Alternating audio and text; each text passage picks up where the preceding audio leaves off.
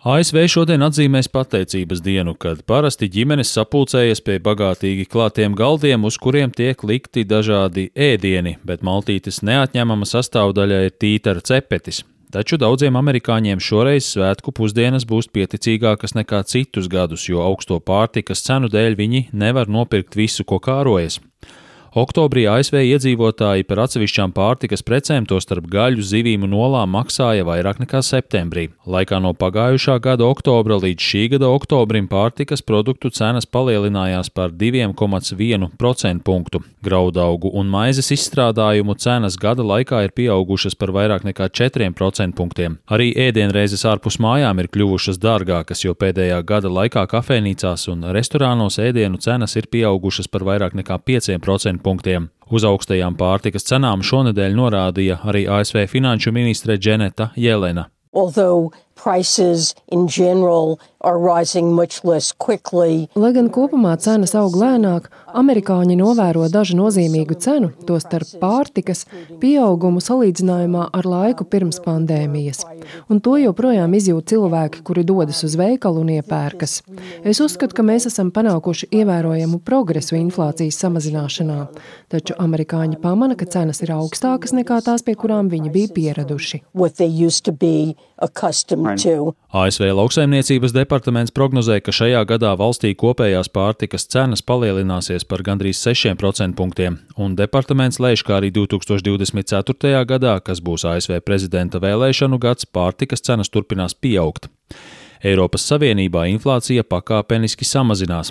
Eiropas Savienības vidējā gada inflācija oktobrī bija 3,6%, bet Eirozonā 2,9%.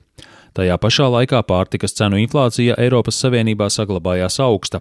Reālā pārtikas inflācija oktobrī Eiropas Savienībā bija 4%, bet Eirozonā 4,6%, kas radīja lielu spiedienu uz mājsaimniecībām ar zemiem ienākumiem. Vienā no Eiropas Savienības turīgākajām dalībvalstīm Itālijā oktobrī reālā pārtikas inflācija bija 4,9%. Saskaņā ar valdības sniegto statistiku katrs 12. Itālijas iedzīvotājs dzīvo nabadzībā, tāpēc arvien vairāk cilvēku vēršas labdarības iestādēs pēc palīdzības. Labdarības organizācija Nonna Roma galvaspilsētā Romā ir atvērusi vairākas vietas, kur nabadzīgākie iedzīvotāji var saņemt bezmaksas pārtiku un apģērbu.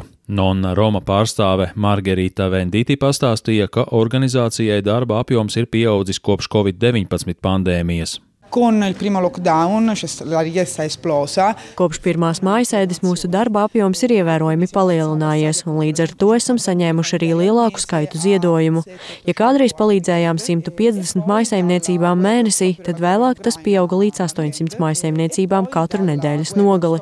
Kopš kara sākuma Ukrainā pieprasījums ir strauji pieaudzis, un tas ir nemainīgs. Constantemente aumenta costantemente. Analītiķi norāda, ka galvenais iemesls pārtikas cenu inflācijai Eiropā ir pieaugušās enerģijas izmaksas, kas ietekmē visu lauksaimniecības un pārtikas ķēdi, sākot no lauksaimniekiem līdz pārstrādes uzņēmumiem un transportam. Pasaules banka apgalvo, ka Eiropā un Centrālā Azijā pārtikas cenu inflācija ir saistīta ar Krievijas karu Ukrainā, jo šī valsts ir viena no vadošajām pārtikas ražotājām un eksportētājām pasaulē. Nīderlandes finanšu pakalpojumu milzis Rabobank prognozē, ka 2024. gadā varētu sagaidīt strauju pārtikas cenu kritumu, jo palielināsies lauksaimniecības preču ražošanas apjomi, bet pieprasījumu mazinās vājā ekonomikas izaugsme. Kopējo pārtikas cenu inflāciju samazināšot tādu pamata pārtikas produktu kā cukura, kafijas, kukurūzas un sojas pupiņu cenu kritums. Uldis Česberis, Latvijas radio.